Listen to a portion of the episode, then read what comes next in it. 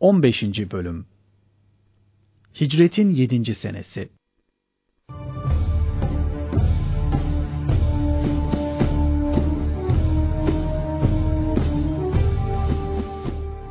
Peygamberimizin hükümdarları İslam'a daveti Peygamberimiz Hazreti Muhammed'in sallallahu aleyhi ve sellem dini ve daveti umumidir. Hitabı bütün insanlığadır.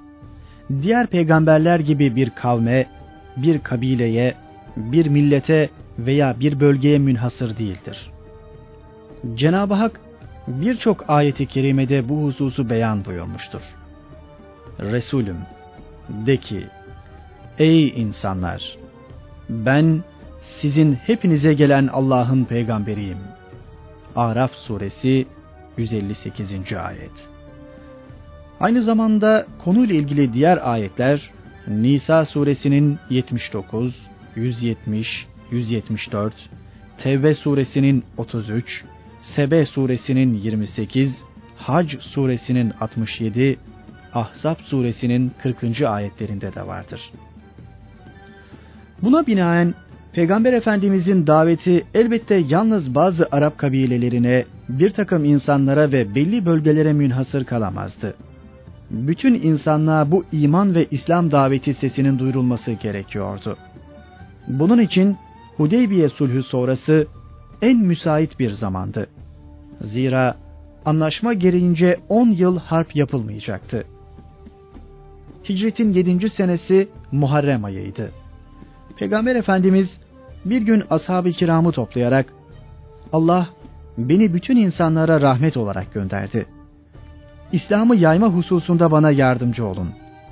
Havarilerin Meryem oğlu İsa'ya muhalefetleri gibi siz de bana karşı muhalefette bulunmayın buyurdu. Sahabiler, Ya Resulullah, havariler İsa'ya nasıl muhalefet etmişlerdi diye sordular.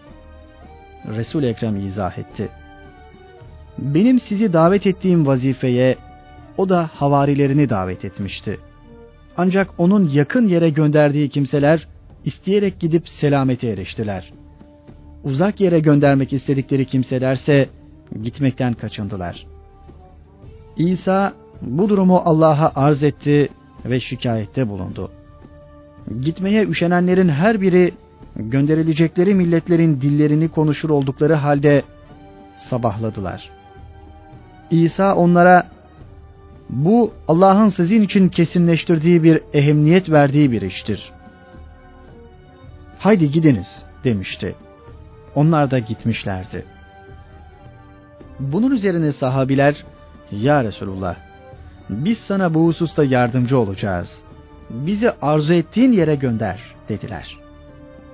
Bunun üzerine Resul-i Kibriya Efendimiz, İslam'a davet maksadıyla ashabından Dihyetul Kelbi'yi Rum Kayseri Heraklus'a, Amr bin Ümeyye Ed-Demri'yi Habeş Necaşisi Ashame'ye, Abdullah bin Huzafe'yi İran Kisrası Hüsrev Perviz'e, Hatip bin Ebi Beltaa'yı Mısır Firavunu Mukavkıs'a, Salit bin Amr'ı Yemame valisi Havza bin Ali'ye, Şuca bin Vehbi Gassan Meliki Münzir bin Haris bin Ebi Şemir'e gönderdi.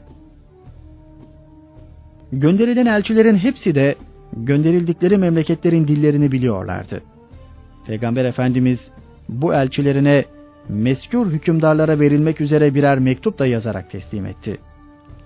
Mektupları yazdığı sırada sahabiler hükümdarların mühürsüz mektup okumadıklarını bildirince Resul Ekrem Efendimiz gümüşten bir mühür yüzük üzerine alt alta gelmek suretiyle şu şekilde imzasını da yazdırdı. Allah, Resul Muhammed. Kainatın efendisi bu yüzüğünü vefatına kadar takmıştır.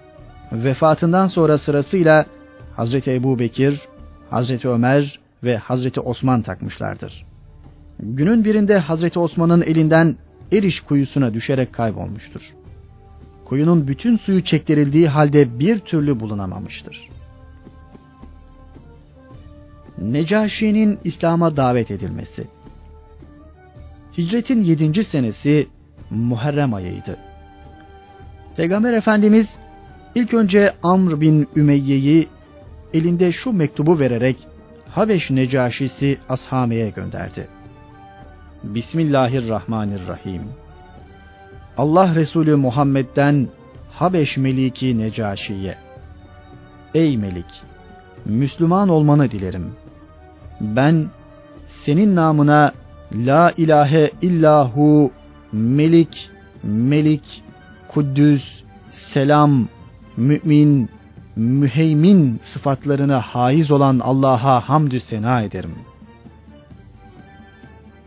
Ve şehadet ederim ki Meryem oğlu İsa Allah'ın kulu ve kelimesidir.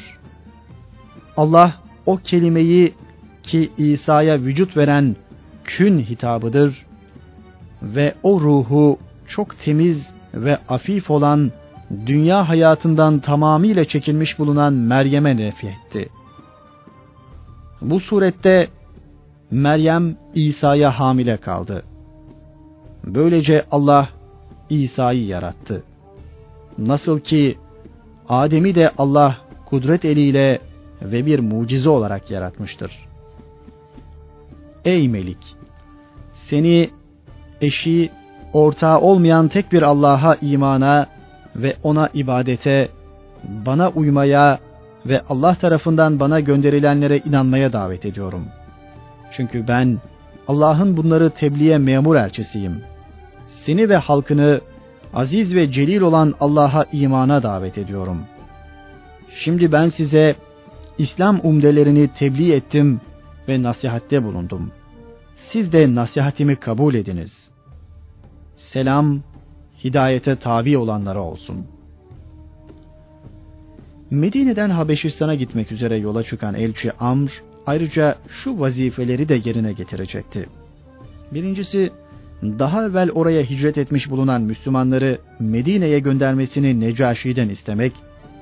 İkincisi, Müslüman muhacirler arasında bulunan Dul Hanım Hazreti Ümmü Habibe'nin peygamberimize nikahlanmasını Necaşi'den talep etmek.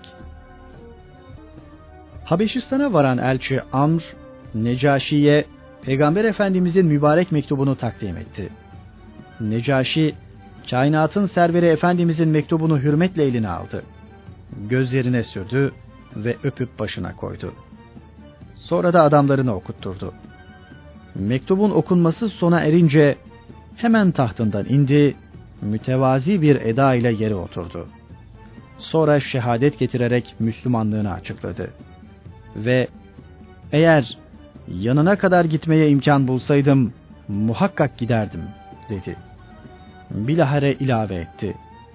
O ehli kitap olan Yahudi ile Nasranilerin geleceğini bekleyip durdukları ümmi peygamberdir.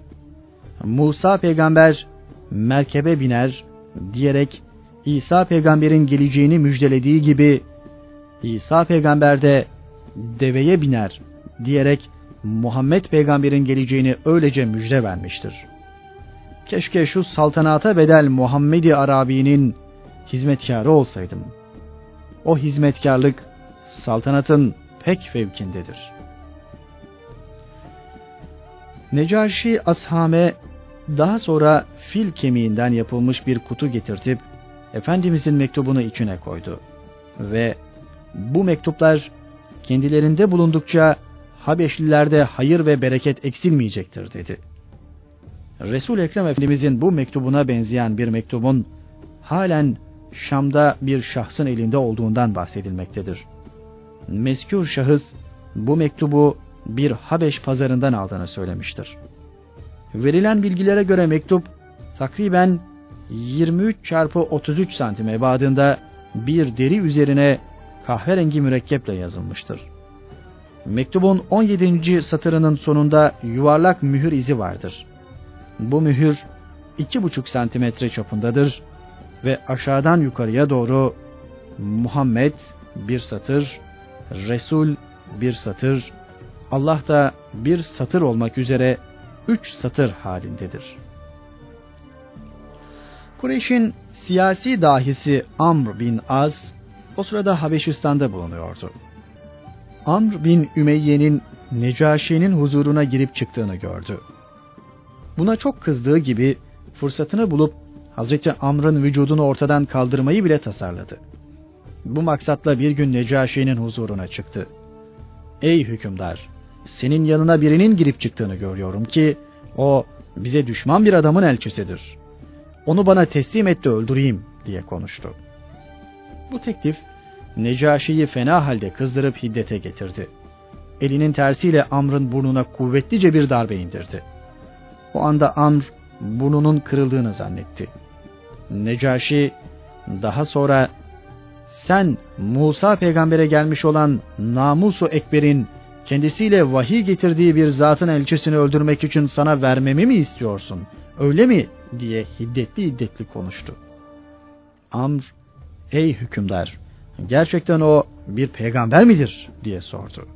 Necaşi şu cevabı verdi. Yazıklar olsun sana ey Amr. Sen benim sözüme kulak ver de ona hemen tabi ol. Çünkü yemin ederim ki o hak üzeredir ve kendisine karşı koyanları mağlup edecektir. Musa peygamberin Firavun'a ve ordusuna galebe çaldığı gibi. Artık Amr'ın hidayete erme zamanı gelmişti.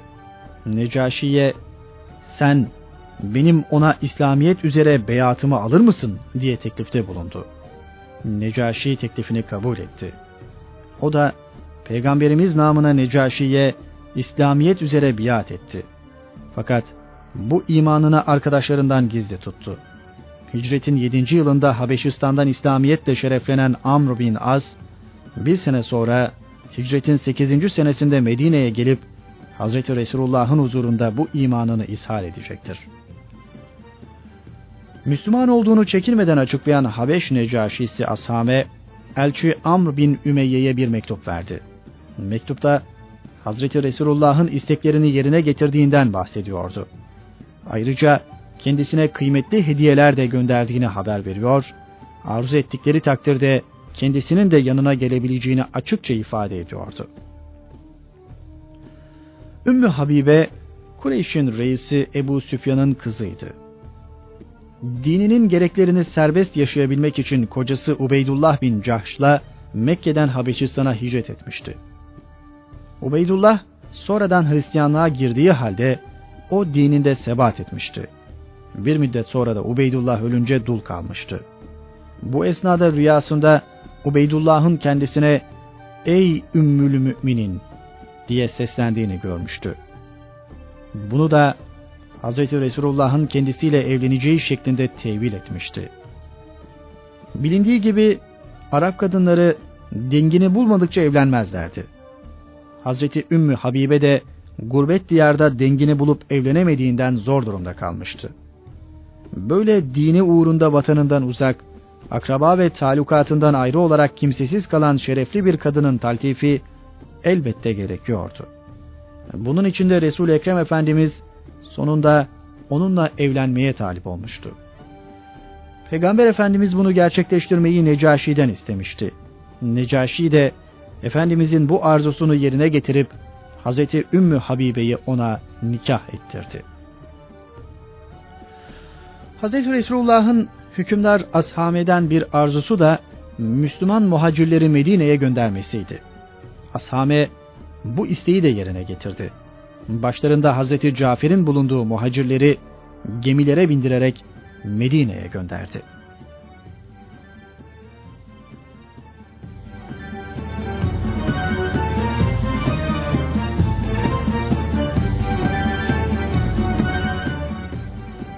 Heraklius'un İslam'a davet edilmesi. Resul-i Kibriya Efendimiz ashabtan Dıhye bin Halife el-Kelbi'yi Rum Kayseri Heraklius'a İslam'a davet etmek üzere şu mektubu vererek gönderdi. Bismillahirrahmanirrahim. Resulullah yoluna tabi olanlara selam olsun. Hidayet yoluna tabi olanlara selam olsun.'' Bundan sonra ey Rum milletinin büyüğü seni İslam'a davet ediyorum. Müslüman ol ki selamette bulunasın. Müslüman ol ki Allah senin ecrini iki kat versin. Eğer bu davetimi kabul etmezsen, yoksul çiftçilerin, bütün tebaanın günahı senin boynunadır. Ve siz, ey ehli kitap, bizimle sizin aranızda müsavi bir kelimeye gelin. Şöyle ki, Allah'tan başkasına ibadet etmeyelim. Ona hiçbir şeyi ortak koşmayalım. Allah'ı bırakıp da birbirimizi Rabler edinmeyelim. Eğer kitap ehli bu kelimeden yüz çevirirlerse, o halde şöyle deyin. Şahit olun, biz gerçek Müslümanlarız. Dihye, Rum hükümdarı Heraklius'a Resulullah'ın mübarek mektubunu kısa zamanda ulaştırdı. Mektup okunurken hükümdarın alnında terler boncuk boncuktu. Süleyman peygamberden sonra ben böyle Bismillahirrahmanirrahim diye başlayan bir mektup görmüş değilim dedikten sonra mektubu öpüp başına koydu. O anda hiçbir şey izhar etmedi. Araştırıp soruşturmayı uygun buldu. Araştırıp soruşturma kararı veren Heraklius, etrafına peygamber olduğunu söyleyen şu kişinin kavminden buralarda kimse yok mudur diye sordu. O sırada ticaret münasebetiyle Ebu Süfyan, Kureyş'ten bazı adamlarla Şam'da bulunuyordu. Onu arkadaşlarıyla alıp yine o sırada Şam'da bulunan Kayser'in huzuruna getirdiler. Hadisenin geri kalan kısmını Ebu Süfyan şöyle anlatmıştır. Herakli'nin huzuruna girdik. Bizleri önüne oturttu ve tercüman vasıtasıyla peygamber olduğunu söyleyen bu zata neseben en yakın hanginizdir diye sordu. Neseben en yakınları benim dedim. Beni önüne oturttular. Arkadaşlarımı da arkama. Bunlara söyle. Ben peygamber olduğunu söyleyen o zat hakkında bu adamdan bazı şeyler soracağım. Bu bana yalan söylerse siz onu tekzip ediniz. Vallahi arkadaşlarım tarafından yalanımın öteye beriye yayılmasından korkmasaydım, peygamber hakkında o zaman muhakkak yalan uydururdum. Sonra da hükümdarla Ebu Süfyan arasında sorulu cevaplı şu konuşma geçti. Sizin içinizde onun nesebi nasıldır?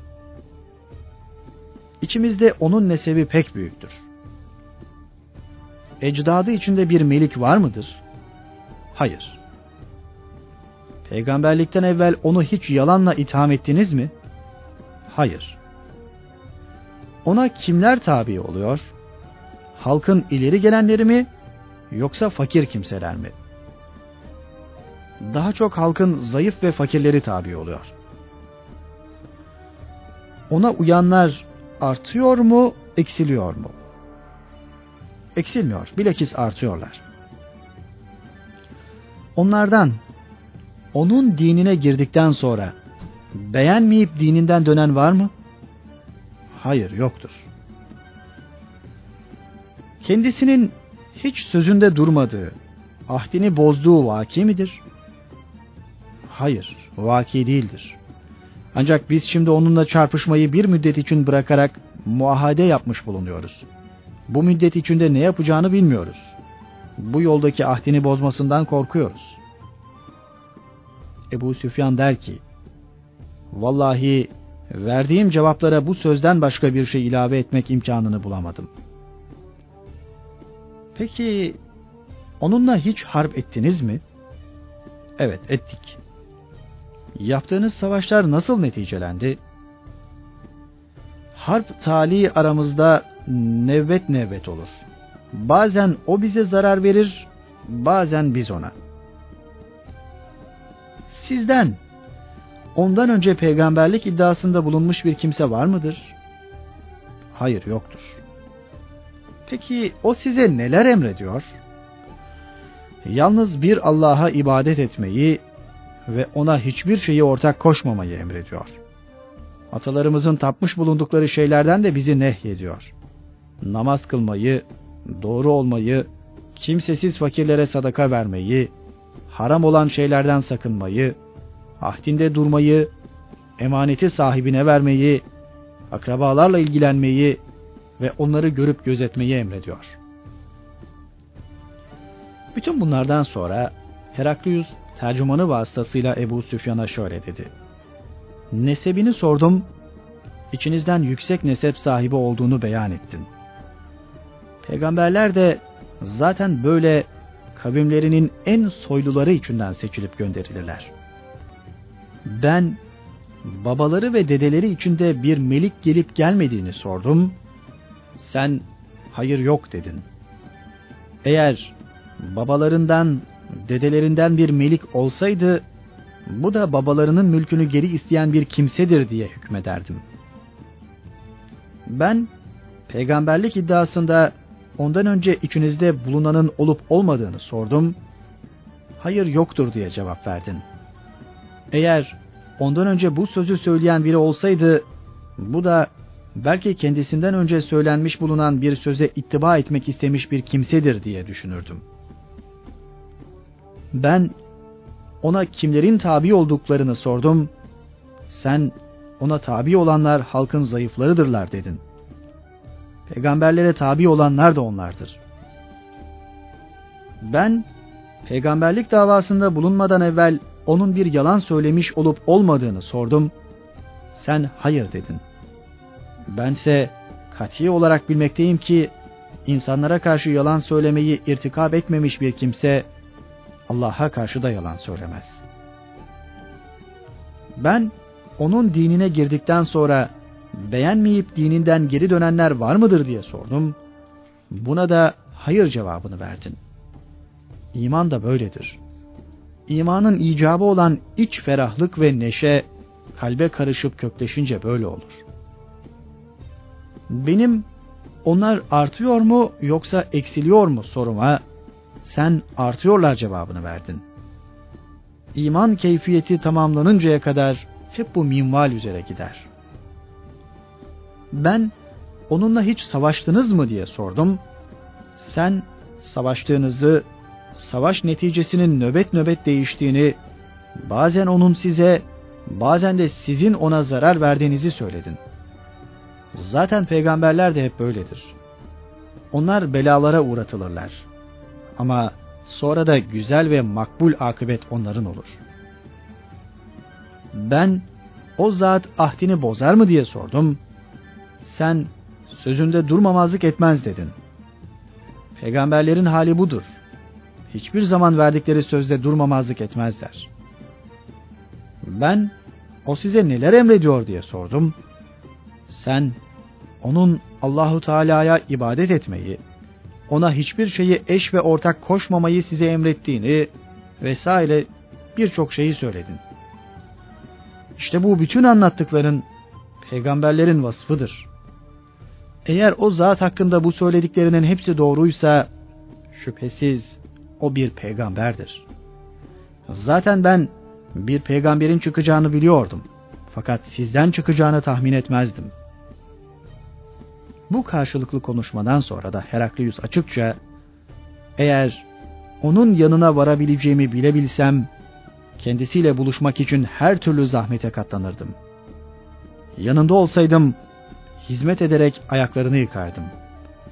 Yemin ederek söylüyorum ki onun mülkü, iktidarı şu ayaklarımın altında bulunan yerlere muhakkak gelip ulaşacaktır diye konuştu. Bu sözlere muhatap olan Ebu Süfyan'ı bir korku ve telaş sardı. Dışarı fırlayıp arkadaşlarına İbni Ebi Kepçe'nin işi gerçekten gittikçe büyüyor. Şu muhakkak ki beni asfar hükümdarı bile ondan korkmaktadır, dedi.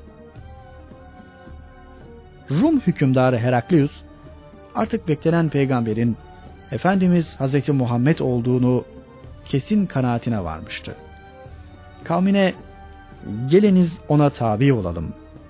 Dünya ve ahirette selamete erelim dedi. Ancak Heraklius'un bu daveti netice vermedi. Hatta Rumların hiddetine sebep oldu. Bunun üzerine Heraklius iman ettiği halde dünya saltanatı için imanını gizli tutmak yolunu tercih etti. Hayatına son verilmekten ve saltanatının elinden alınmasından korkup imanını ishar edemeyen Heraklius, Hz. Resulullah'ın elçisi Dıhye'ye Hristiyan alimlerinin büyüklerinden biri olan Uskuf Dağıtır'a gitmesini tavsiye etti. Ayrıca ona vermek üzere bir de mektup yazdı. Dihye mektubu alıp Heraklius'un yanından ayrıldı. Zaten Peygamber Efendimiz de Dağıtır'a bir mektup yazıp Hazreti Dıhye'ye vermişti. Bu mektubunda Uskuf Dağıtır'a şöyle hitap ediyordu. İman edenlere selam olsun. Hiç şüphesiz Meryem oğlu İsa Allah'ın pak ve nezih Meryem'e ilka ettiği ruhu ve kelimesidir. Ben Allah'a ve Allah tarafından bize indirilenlere İbrahim'e, İsmail'e, İshak'a, Yakup ve Esbat'a indirilenlere, Musa'ya ve İsa'ya verilmiş olanlara ve bütün peygamberlere Rableri tarafından verilenlere inanırım. Biz onlardan hiçbirini diğerlerinden ayırt etmeyiz. Hepsinin peygamberliğine inanırız. Biz Allah'a itaat eden Müslümanlarız. Hidayete tabi olanlara selam olsun. Hazreti Dıhye Dağıtır'ın yanına vardı ve kendisini İslamiyet'e davet etti. Büyük Hristiyan alimi Dağıtır, Vallahi senin sahibin Allah tarafından gönderilmiş hak bir peygamberdir. Biz onun vasıflarını biliyoruz. İsmini de kitaplarımızda yazılı bulmuşuz diye konuştu. Sonra iman ederek Müslüman olduğu ve durumunun Resul Ekrem Efendimize bildirilmesini Hazreti Dıhye'ye tembihledi. Uskuf dağıtır, her pazar günü toplanan Hristiyanlara kıssalar anlatıp nasihatlerde bulunduktan sonra bir sonraki pazara kadar evine kapanırdı. Hazreti Dıhye ile görüştükten sonra pazarda Hristiyanlar toplanıp onun çıkmasını beklediler. Ancak dağıtır hastalığını bahane ederek çıkmak istemedi. Hristiyanlar ya o çıkar ya da biz onun yanına gideriz. Şu Arap geldiğinden beri biz senin vaziyetinden hoşlanmıyoruz diye haber gönderdiler. Bunun üzerine dağıtır odasına girdi. Üzerindeki siyah elbiseyi çıkarıp bembeyaz bir elbise giydi. Sonra asasını eline alıp kilisede toplanmış bulunan Hristiyan halkın yanına vardı. Çekinmeden ve cesurca Ey Rum topluluğu! Bize Ahmet peygamberden bir mektup geldi. Bizi Yüce Allah'a davet ediyor dedikten sonra ilave etti. Ben şehadet ederim ki Allah'tan başka ilah yoktur. Ahmet de Allah'ın kulu ve Resulüdür. Dağıtır'ın Hazreti Resulullah'ın peygamberliğini böylesine pervasızca aykırışına Rumlar öldürücü darbelerle karşılık verdiler ve onu orada şehit ettiler. Bütün bu olup bitenlerden sonra Hazreti Dıhiye, Heraklius'un peygamberimize yazdığı bir mektup ve birçok hediye ile Medine'ye doğru hareket etti. Ancak yolda eşkıya tarafından yakalanıp kıymetli hediyeler elinden alındı. Medine'ye varan Hazreti Dıhiye, Resul Ekrem Efendimizin huzuruna çıktı. Olup bitenleri ve yolda başından geçenleri anlattıktan sonra Heraklius'un mektubunu verdi. Mektupta şunlar yazılıydı. İsa'nın müjdelemiş olduğu Allah'ın Resulü Muhammed'e Rum hükümdarı Kayser tarafındandır. Elçin mektubunla bana geldi. Şehadet ederim ki sen Allah'ın Resulüsün. Biz seni zaten yanımızdaki İncil'de yazılı bulmuştuk. İsa bin Meryem seni müjdelemişti. Rumları sana imana davet ettimse de yanaşmadılar. Kaçındılar. Onlar beni dinleselerdi kendileri için şüphesiz hayırlı olurdu. Ben senin yanında bulunup sana hizmet etmeyi, senin ayaklarını yıkamayı ne kadar arzu ederdim. Mektup okunup bitince Resul-i Kibriya Efendimiz, mektubum yanlarında bulundukça onların saltanatı devam edecektir buyurdu. Resul-i Ekrem'in elçisi ve davetini son derece güzel karşılayan Rum hükümdarı Heraklius, kendisine gelen İslam'a davet mektubunu da atlas bir ipeye sararak, derin saygısının bir tezahürü olarak altın bir borunun içine koyup sakladı. Rum hükümdarları katında nesilden nesile intikal ede gelen bu mübarek mektubu, Alfons bin Ferdinand'ın Tuleytula üzerine yürüyüp Endülüs beldelerinden birçok yeri eline geçirdiği tarihe kadar onun yanında bulunuyordu. Ondan da torununa intikal etti. Aynı mektubu Avrupa kralı yanında gördüğünü Seyfüddin Kılıç da ifade etmektedir. Avrupa krallarının kendisine şöyle dediğinden de bahseder. Bu peygamberimizin Atam Kayser'e göndermiş olduğu mektubudur. Biz onu bugüne kadar elden ele tevarüs etmekten geri kalmadık. Bize atalarımızdan ve babalarımızdan tavsiye edilmişti ki bu mektup yanımızda bulunduğu müddetçe saltanat bizde kalacaktır. Bu sebeple ona son derece hürmet göstermekte ve muhafazasına dikkat etmekteyiz. Saltanatımızın devam edip gitmesi için de onun yanımızda bulunduğunu Hristiyanlardan saklı tutmaktayız.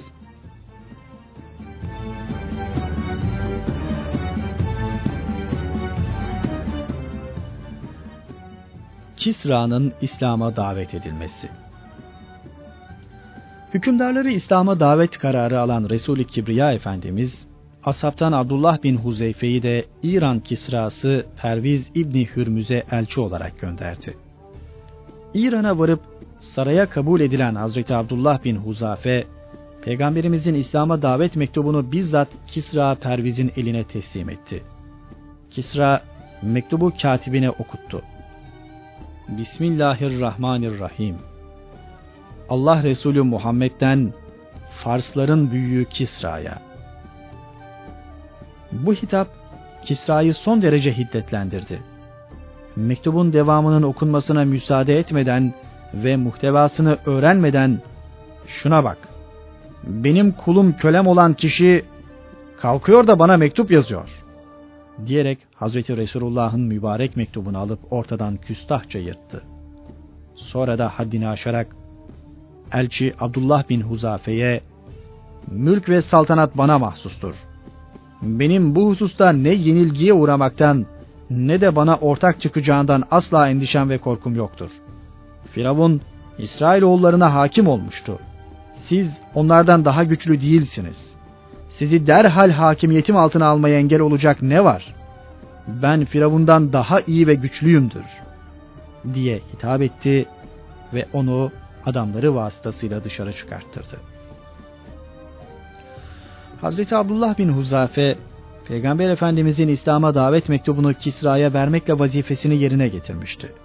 Bu sebeple saraydan çıkartılır çıkartılmaz hemen bineğine atlayarak Medine'nin yolunu tuttu. O sırada Kisra'nın öfkesi bir nebze dinmiş olacak ki onu bulup getirmelerini adamlarına emretti. Ancak Hazreti Abdullah çoktan oradan uzaklaşmıştı. Medine'ye gelen Hazreti Abdullah, Resulü Kibriya Efendimizin huzuruna çıktı. Olup bitenlere haber verdi. Resul Ekrem Efendimiz, Ya Rabbi, nasıl o benim mektubumu parçaladı, sen de onu ve onun mülkünü parçala, diye Kisra'ya beddua etti. Bu bedduanın tesiriyledir ki, Kisra Pervizoğlu Şiraveyh hançerle onu parçaladı. Sad İbni Ebi Vakkas Hazretleri ise İran saltanatını paramparça etti. Sasaniye devletinin hiçbir yerde şevketi kalmadı. Resul Ekrem Efendimizin İran kisrası Hüsrev Perviz'e gönderdiği İslam'a davet mektubunun tam metni şöyleydi. Bismillahirrahmanirrahim. Allah'ın Resulü Muhammed'den Farsların büyüğü Kisra'ya. Doğru yola gidenlere, Allah'a ve peygamberine iman edenlere bir Allah'tan başka ilah olmadığına, onun hiçbir ortağda bulunmadığına ve Muhammed'in onun kulu ve Resulü olduğuna şehadet edenlere selam olsun. Ben seni Allah'ın dinine, İslam'a davet ediyorum. Çünkü ben bütün insanlara hayatı olan kişilere gelecek tehlikelere haber vermek ve kafirlere o söz hak olmak için azap sözü gerçekleşmesi için peygamber olarak gönderildim. Müslüman ol ki selamete eresin. Eğer davetimden yüz çevirirsen Mecusi kavminin günahı senin boynuna olsun. Kisra, Efendimizin mübarek mektubunu yırtmakla da hiddet ve hırsını dindirememişti. Yemen valisi Bazan'a, duyduğuma göre Kureyş'ten biri ortaya çıkmış, peygamberlik dava ediyormuş. Sen güçlü kuvvetli adamlarından ikisini gönder, onu bağlayıp getirsinler diye haber gönderdi. Bazen emri yerine getirmede gecikmedi. Peygamber Efendimiz'e iki kişi gönderdi. Ellerine de Efendimizin gidip Kisra'ya teslim olmasını emreden bir mektup verdi. Baba Veyh ve Hurre Husre adındaki bu adamlar Medine'ye gelerek Resul Ekrem Efendimizin huzuruna çıktılar. Baba Vey Efendimiz'e hitaben Kisra vali Bazan'a yazıp seni kendisine getirtmek üzere sana adam göndermesini emretti. Bazan da beni sana gönderdi. Eğer benimle gelirsen Yemen valisi Kisra'ya senin lehinde mektup yazar. Seni bağışlatır. Eğer benimle birlikte gelmekten çekinirsen Kisra seni de senin kavmini de yok eder. Memleketini de yıkar. Dedikten sonra Bazan'ın mektubunu verdi. Resul Ekrem Efendimiz Baba Veyh'in anlattıklarını ve mektubun muhteviyasını öğrendikten sonra gülümsedi. Sonra da onları İslamiyet'e davet etti. Elçiler Efendimizin huzurunda manevi heybetinden dolayı tir tir titriyorlardı. Fakat bunu hissettirmemek için cesaretli konuşmaya çalışıyorlardı. Peygamber Efendimiz sadece ne yapmak istediğimi yarın size haber veririm deyip onları huzurundan çıkardı. Ertesi gün Resulü Kibriya Efendimiz vahiy ile gelen şu haberi onlara iletti. Yüce Allah Kisra'ya oğlu Şireveyh'i musallat kıldı. Şireveyh onu filan ayda, filan gecede ve gecenin de filan saatinde öldürdü. Bu haber karşısında elçiler şaşırıp kaldılar. Peygamber Efendimiz ayrıca onlara hitaben bazana diniz ki benim dinim ve hakimiyetim Kisra'nın mülk ve saltanatının ulaştığı yerlere kadar ulaşacaktır. Yine ona diniz ki eğer sen Müslüman olursan şu anda idare etmekte olduğun yerleri sana vereceğim. Seni Ebnalardan Güney Arabistan'da yerleşen İranlılardan meydana gelen kavme hükümdar yapacağım diye buyurdu. Bunun üzerine bazının adamları Yemen'e döndüler. Olup bitenleri anlatıp peygamberimizden görüp duyduklarını naklettiler. Vali Bazan, vallahi bu hükümdar sözü değildir.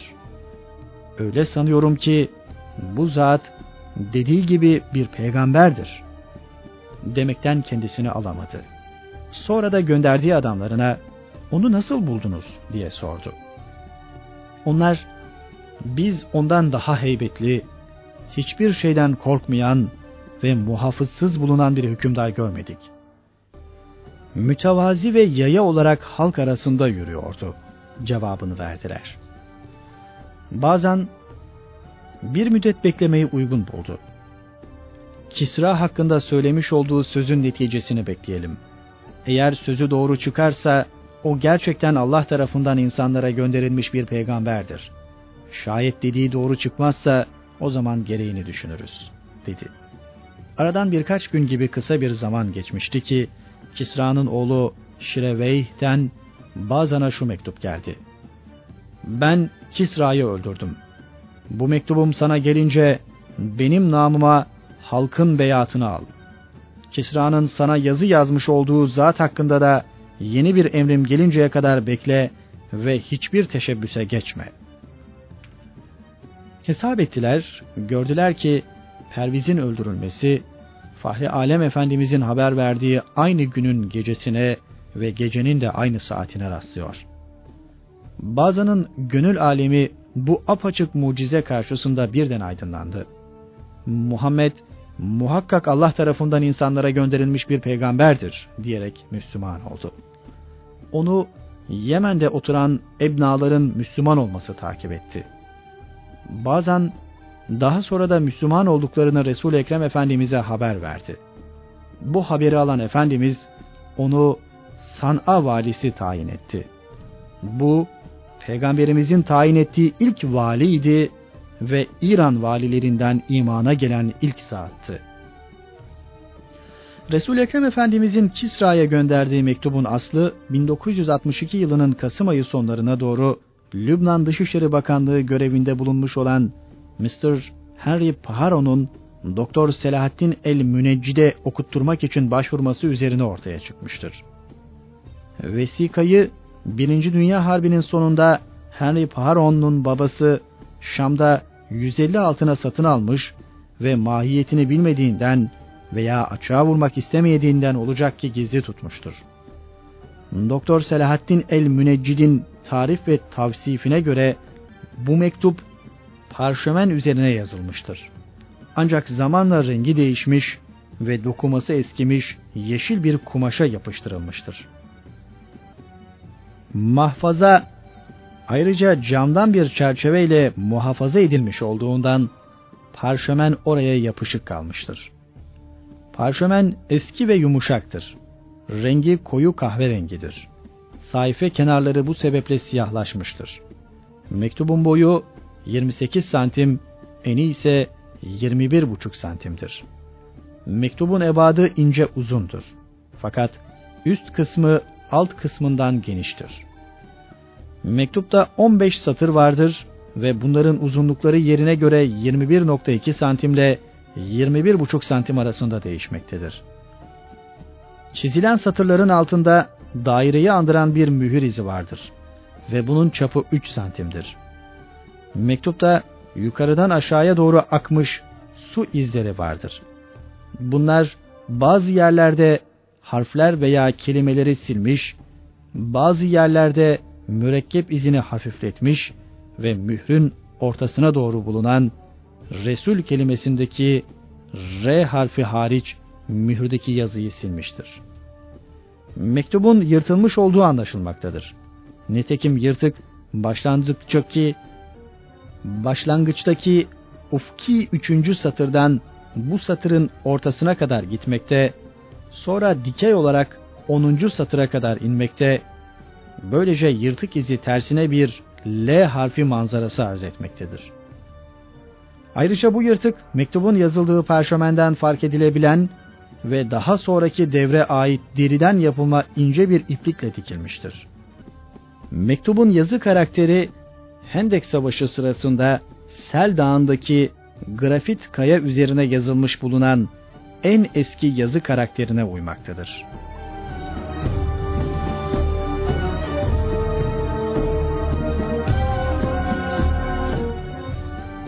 Mukavkıs'ın İslam'a davet edilmesi. Bu tarihte ashabtan Hatip bin Ebi Belta'a Peygamber Efendimiz'den aldığı Mukavkıs'a hitaben yazılmış İslam'a davet mektubuyla Mısır'a doğru yola çıktı. Gece gündüz yoluna devam eden Hazreti Hatip, o sırada İskenderiye'de bulunan Mukavkıs'a Resul Ekrem Efendimizin mübarek mektubunu sundu. Hükümdarın okuttuğu mektupta Resul Ekrem Efendimiz ona hitaben şunları yazıyordu. Bismillahirrahmanirrahim. Allah'ın kulu ve Resulü Muhammed'den Kıptilerin büyüğü Mukavkıs'a hidayet yoluna uyanlara selam olsun. Bu dua ve temenniden sonra ben seni İslam'a davet ediyorum. Müslüman ol ki selamete eresin.''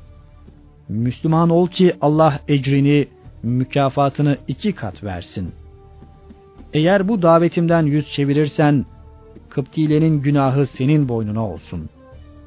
Tab, bizimle sizin aranızda müsavi ve müşterek olan bir söze geliniz. Allah'tan başkasına ibadet etmeyelim ve ona hiçbir şeyi ortak koşmayalım. Allah'ı bırakıp da birbirimizi Rabler edinmeyelim. Eğer yüz çevirirlerse siz de onlara şahit olun. Biz muhakkak Müslümanlarız deyiniz. Ali İmran suresi 64. ayet. Mektup okunup bitince Mukavkız hayırlı olsun dedi ve elçi Hazreti Hatıbba izzet-ü ikramda bulundu. Sonra da Server-i Kainat Efendimizin mübarek mektubunu fil dişinden bir kutu içine koyup kutuyu mühürledi. Bir gece vakti Mukavkız, Hatip bin Ebi Beltaa'yı huzuruna çağırdı. Yanlarında sadece tercüman bulunuyordu. Uzun uzadıya konuştuktan sonra Mukavkız, sonunda Müslüman olmadığı halde Peygamber Efendimizin risaletini ikrar edip şöyle konuştu. Ben bir peygamberin daha geleceğini biliyordum. Lakin Şam'dan çıkacağını tahmin ediyordum. Çünkü daha evvelki peygamberlerin çoğu orada zuhur etmişlerdi. Gerçi son peygamberin Arabistan'da sertlik, darlık, yoksulluk ülkesinde çıkacağını da kitaplarda görmüştüm. Allah'ın kitabında sıfatlarını yazılı bulduğumuz peygamberin ortaya çıkma zamanı da tam bu zamandır. Fakat ona uymak hususunda Kıptiler beni dinlemezler. Ben saltanatımdan ayrılmaya da kıyamayacağım. O peygamber memleketlere hakim olacak, kendisinden sonra da sahabileri bu meydanlarımıza kadar gelip yerleşeceklerdir. Sonunda şuradakilere galip geleceklerdir. Bu konuşmasıyla peygamberimizin risaletini ikrar eden Mukavkız, ne yazık ki saltanatı elinden gider endişesiyle ne halkına olup bitenlerden bahsetti ve ne de Müslüman oldu. Saltanat, hükümdarlık sevgisi onu iman saadetinden mahrum bıraktı. Dünya saltanatının sevgi ve muhabbeti gönlünde ağır basıp iman etmeye yanaşmayan Mukavkız, bununla beraber Peygamber Efendimiz'e bir mektupla bazı kıymetli hediyeler ve iki de cariye gönderdi. Bütün bunlardan sonra Hazreti Hatip bin Ebi Beltaa'yı İskenderiye'den uğurlayan Mukavkız ona sakın Kıptiler senin ağzından tek bir kelime bile işitmesinler dedi. Mukavkıs'ın resul Ekrem Efendimiz'e gönderdiği iki cariye Mariye ile kız kardeşi Sirin'di. Hatip bin Ebi Beltaa Hazretleri onlara yolda İslamiyet'i anlattı ve Müslüman olmalarını teklif edince Müslüman oldular. Daha sonra Peygamber Efendimiz Hazreti Mariye'yi kendisine nikahlayıp zevceliğe aldı. Sirini ise şairi Hassan bin Sabit'e verdi. Mukavkıs'tan gelen diğer hediyelerse şunlardı. Ak tüylü bir katırla bir merkep, bin miskal altın, yirmi kat mısır işi ince elbise, billur bir bardak, kokulu bal, misk gibi güzel kokular vesaire. Hediye gelen katıra Düldül, merkebe ise Ufeyr adı takıldı.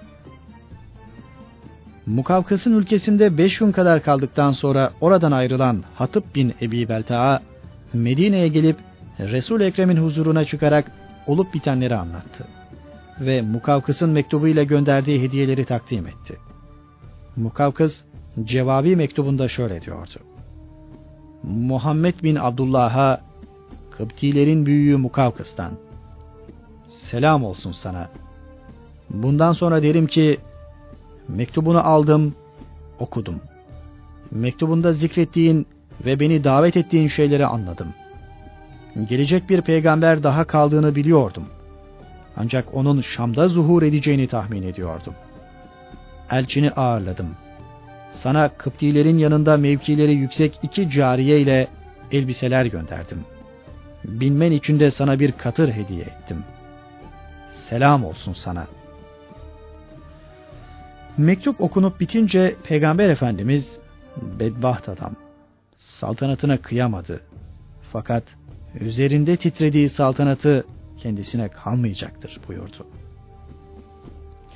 Resul Ekrem Efendimizin Mukavkıs'a gönderdiği mübarek mektupları halen İstanbul Topkapı Sarayı Müzesi Mukaddes Emanetler bölümünde muhafaza edilmektedir. Mektup Hicret'in 1267. senesinde Mısır'ın Ahmim beldesinde bulunan eski bir manastırdaki Kıbt kitapları arasında olduğu anlaşılmış. Bunun üzerine Sultan Abdülmecid Han tarafından satın alınarak İstanbul'a getirilmişti. Bu mübarek mektup 16'ya 19 santim ebadında kahverengi bir deri üzerine siyah mürekkeple yazılmıştır ve 12 satırdan ibarettir. Mektubun altında Resul Ekrem Efendimizin mührü bulunmaktadır mektupta yer yer güve yenikleri ve delikleri de vardır.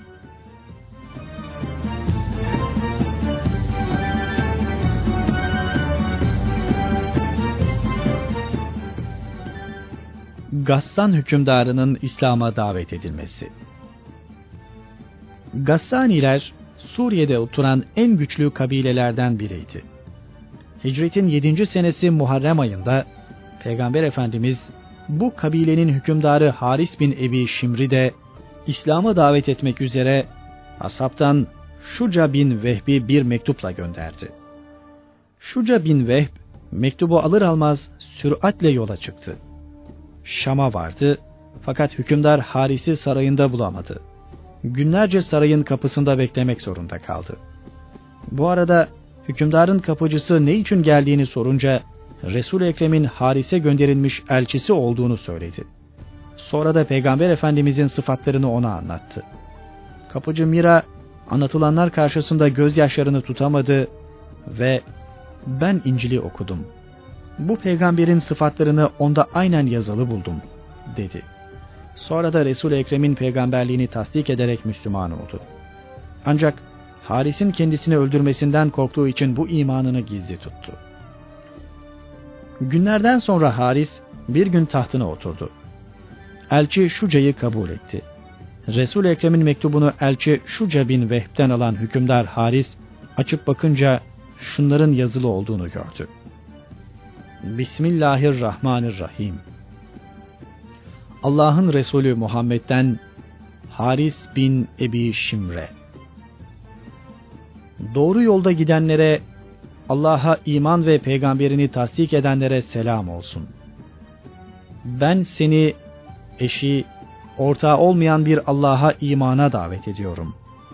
Davetimi kabul edersen, hükümdar olarak yine mülkünde kalacaksın.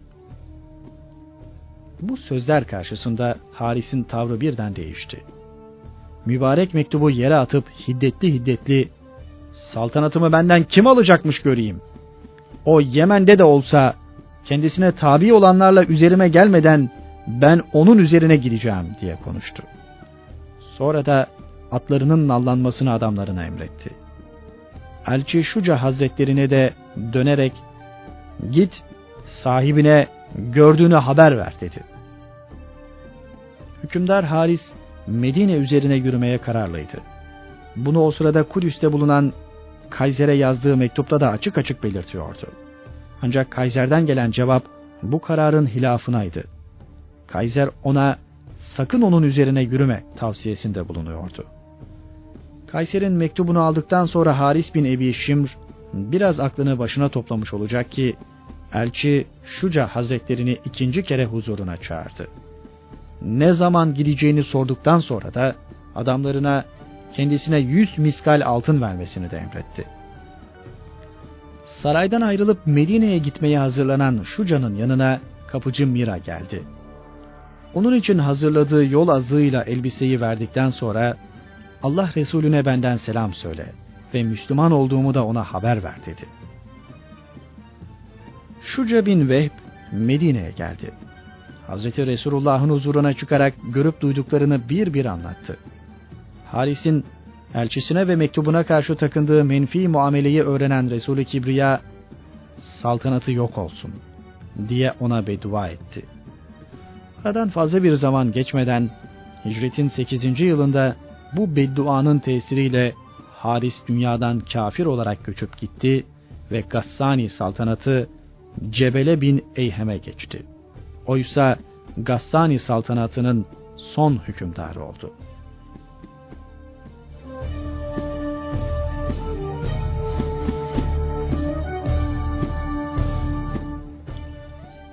Yemame emirinin İslam'a davet edilmesi. Yemame hükümdarı Hevze bin Ali Hristiyandı. Peygamber Efendimiz hicretin 7. senesi Muharrem ayında bu hükümdarı da İslamiyet'e davet etmek üzere Salit bin Amr'ı vazifelendirdi ve yazdığı bir mektupla onu Yemame'ye gönderdi. Mektubu olan Salit bin Amr durup dinlenmeden yol alarak hükümdarın yanına vardı ve Efendimizin mektubunu ona verdi. Mektubu okutunca Resul Ekrem'in kendisine şöyle hitap ettiğini gördü. Bismillahirrahmanirrahim. Allah'ın Resulü Muhammed'den Hevze bin Ali'ye. Doğru yolda gidenlere selam olsun. şunu iyi bilmelisin ki benim dinim yakında dünyanın en uzak ufuklarına kadar parlayacaktır. Binaenaleyh ey Hevze sen de Müslüman ol ki selamete eresin. Ben de hükmün altındaki memleketin idaresini sana bırakayım. Hevze bu daveti kabul edemeyeceğini nazik bir üslupla ifade etti. Ancak Salit bu hareketinin yanlış olduğunu söyleyerek onu davete icabete çağırdı. Fakat Hevze saadet dairesinden uzak kaldı. Şüphesiz bu uzak kalışta saltanatta kalma arzusu büyük rol oynuyordu. Bunu kendisi de bizzat bir Hristiyan büyüğüne şöyle ifade etmişti. Ben kavmimin hükümdarı bulunuyorum. Ona tabi olaydım, o takdirde hükümdarlık yapamayacaktım. Bununla birlikte Hevze, Peygamber Efendimiz'e verilmek üzere bir mektupla bir takım hediyeleri Elçi Hazreti Salit vasıtasıyla gönderdi. Salit bir Amr, Medine'ye dönerek Resul Ekrem Efendimiz'in huzuruna vardı. Olup bitenleri anlattıktan sonra Hevze'nin gönderdiği mektubu Efendimiz'e verdi. Hevze, mektubunda Efendimiz'e şöyle diyordu. Davet ettiğin şey çok iyi, çok güzel. Ben kavmimin hatibi ve şairiyim. Araplar da benim kavmimden korkarlar. Bana işinden bazı salahiyetler ver de sana tabi olayım. Resul Ekrem Efendimiz bu yersiz teklif için yerdeki bir hurma koruğunu bile istese ona vermem buyurduktan sonra kendisine tabi onca insanın hidayetine de mani olduğundan dolayı Hevze'ye elindeki her şey yok olsun diye beddua etti. Bu tarihten bir yıl sonra Cebrail aleyhisselam gelip Efendimiz'e Hevze'nin kafir olarak öldüğünü haber verdi. Böylece resul Ekrem Efendimiz gönderdiği elçiler ve davet mektuplarıyla Cihan Şumul İslam davasını o zamanın bütün devlet reislerine bildirmiş, İslam'ın sesini bütün dünyaya duyurmuş oluyordu. Bu davete o zamanın iki büyük devleti olan Habeşistan ve Bizans hükümdarlarının cevabı gayet müsbet geliyordu. Hatta Necaşi İslam'la şereflendi. Heraklius ise peygamberimizin hak peygamber olduğunu anladığı halde sadece dünya saltanatı için iman etmekten çekiniyordu. Aynı şekilde Mısır hükümdarı Mukavkıs da Hz. Resulullah'ın elçisini ve mektubunu gayet iyi karşılıyor ve müsbet cevapta bulunuyordu. Bu davete muhatap olan Yemame hükümdarı Hevze bin Ali de Hz. Resulullah'ın elçisine gayet iyi muamelede bulunuyor ve daveti nazik bir üslupla kabul etmediğini belirtiyordu. Geri kalan iki kişi ise bu davete menfi cevapta bulunuyordu. Hatta bunlardan biri olan İran Kisrası küstahça peygamberimizin mektubunu yırtıyordu. Diğer biri olan Gassan hükümdarı Haris bin Ebi Şimr ise haddini aşarak Efendimizin davet mektubunu yere atıyordu.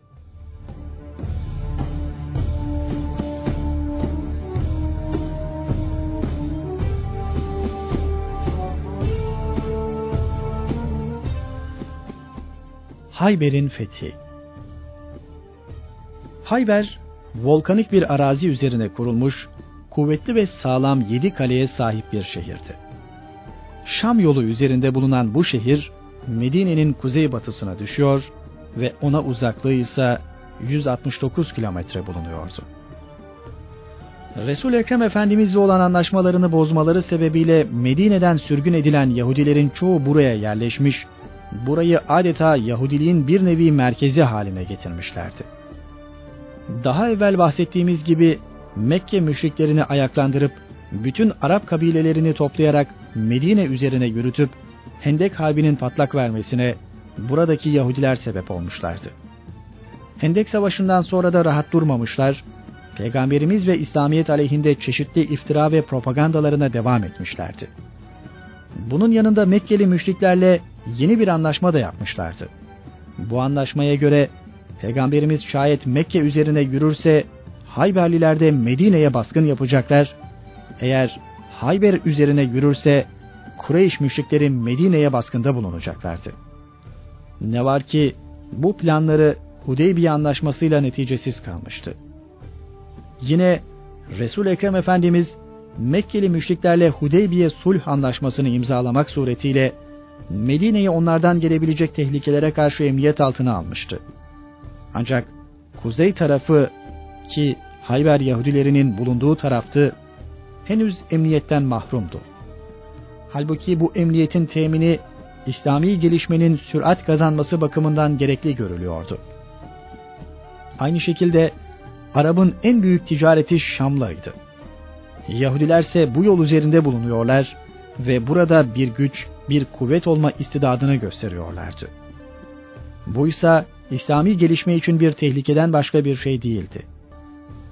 İşte bütün bu sebepler Hayber meselesinin bir an evvel hallini gerektiriyordu. Zaten Cenab-ı Hak da Hudeybiye seferi dönüşü sırasında gönderdiği Fetih suresinde Müslümanlara buranın fethini vaat etmişti. Hayber gazasına çıkmaya karar veren Resul-i Kibriya Efendimiz, ashabına hazırlanmalarını emretti.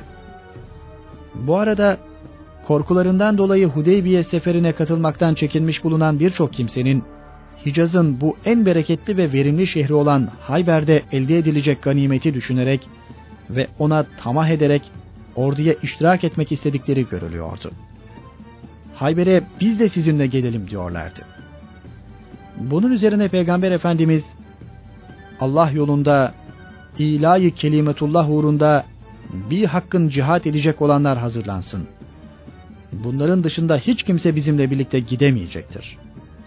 Onlara ganimetten de bir şey verilmeyecektir buyurdu. Bunu Medine'nin içine halka ilan etti. Hz. Resulullah'ın bu emri bize Allah yolunda cihadın sırf hakkın rızası gözetilerek maddi hiçbir karşılık beklemeksizin hatta niyet dahi edilmeksizin yapılması gerektiğini gayet açık bir şekilde ders vermektedir. Zaten İslam'da harbin ulvi ve nurani gayesi de ilahi kelimetullah'tır. Resul-i Kibriya Efendimizin emri üzerine Müslümanlar derhal toplandılar. Sayıları 200'ü atlı olmak üzere 1600 kişiye buldu. Bunlar sadece o anda Peygamber Efendimizle birlikte Medine'den hareket edecek olanlardı.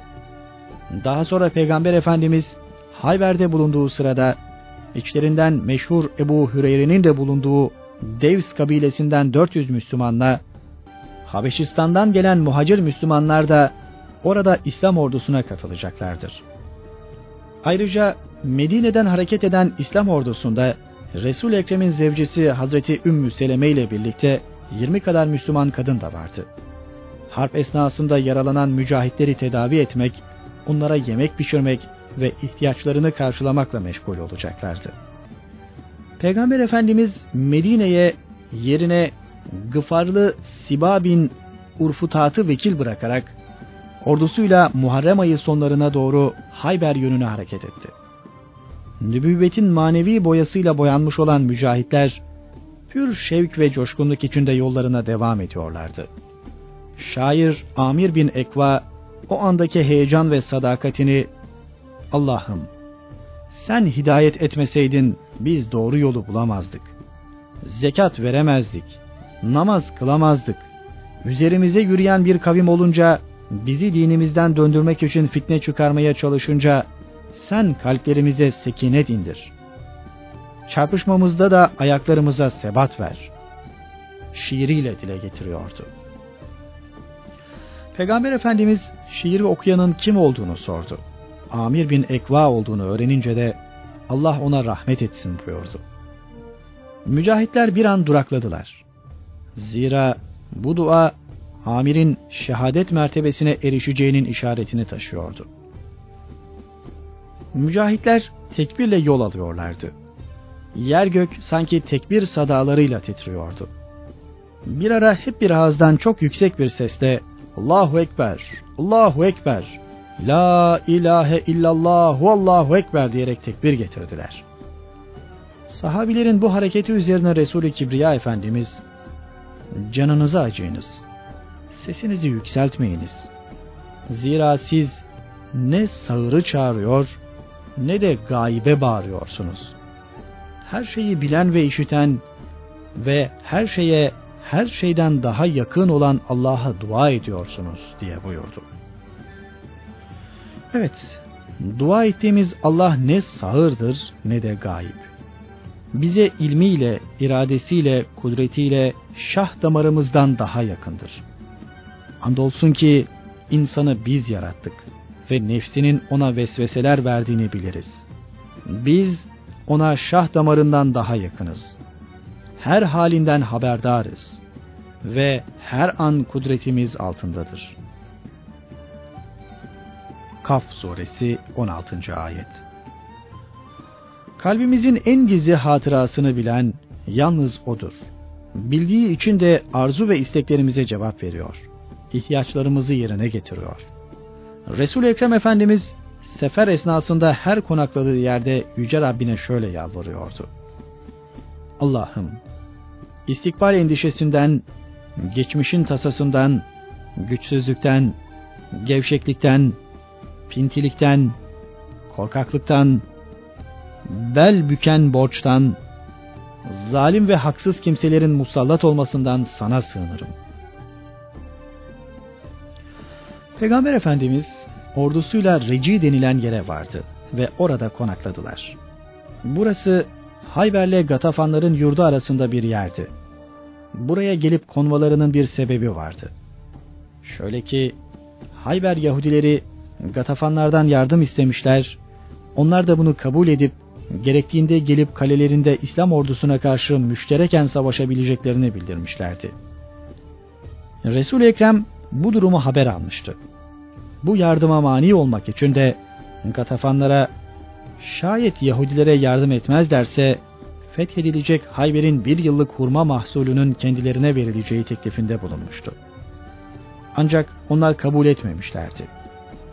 İşte Resul Ekrem Efendimiz ordusuyla buraya gelip konmakla Gatafanlardan Yahudilere gelebilecek herhangi bir yardımın önünü kesmiş oluyordu. Nitekim bu durum karşısında Gatafanlar Hayber Yahudilerine hiçbir yardımda bulunamayıp yurtlarında oturmak zorunda kalmışlardır. Peygamber Efendimiz daha sonra ordusuyla Reci'den Hayber'e doğru ilerledi. Bir gece vakti Hayber önlerine vardı. Gece baskında bulunmak adeti olmadığından sabahı bekledi. Resul Ekrem Efendimiz Hayber önlerine varınca Ey göklerin ve gölgelendirdiklerinin Rabbi olan Allah! Ey yerlerin ve üstündekilerin Rabbi olan Allah! Ey şeytanların ve saptırdıklarının Rabbi olan Allah! Ey rüzgarların ve savurduklarının Rabbi olan Allah! Biz senden şu şehrin hayrını ve iyiliğini, halkın hayrını ve iyiliğini, bu şehirde bulunan her şeyin hayrını ve iyiliğini dileriz. Onun şerrinden, halkının şerrinden, içinde bulunan her şeyin şerrinden sana sığınırız diye dua etti. Herhangi bir şehre girdiğinde Efendimiz hep böyle dua ederdi.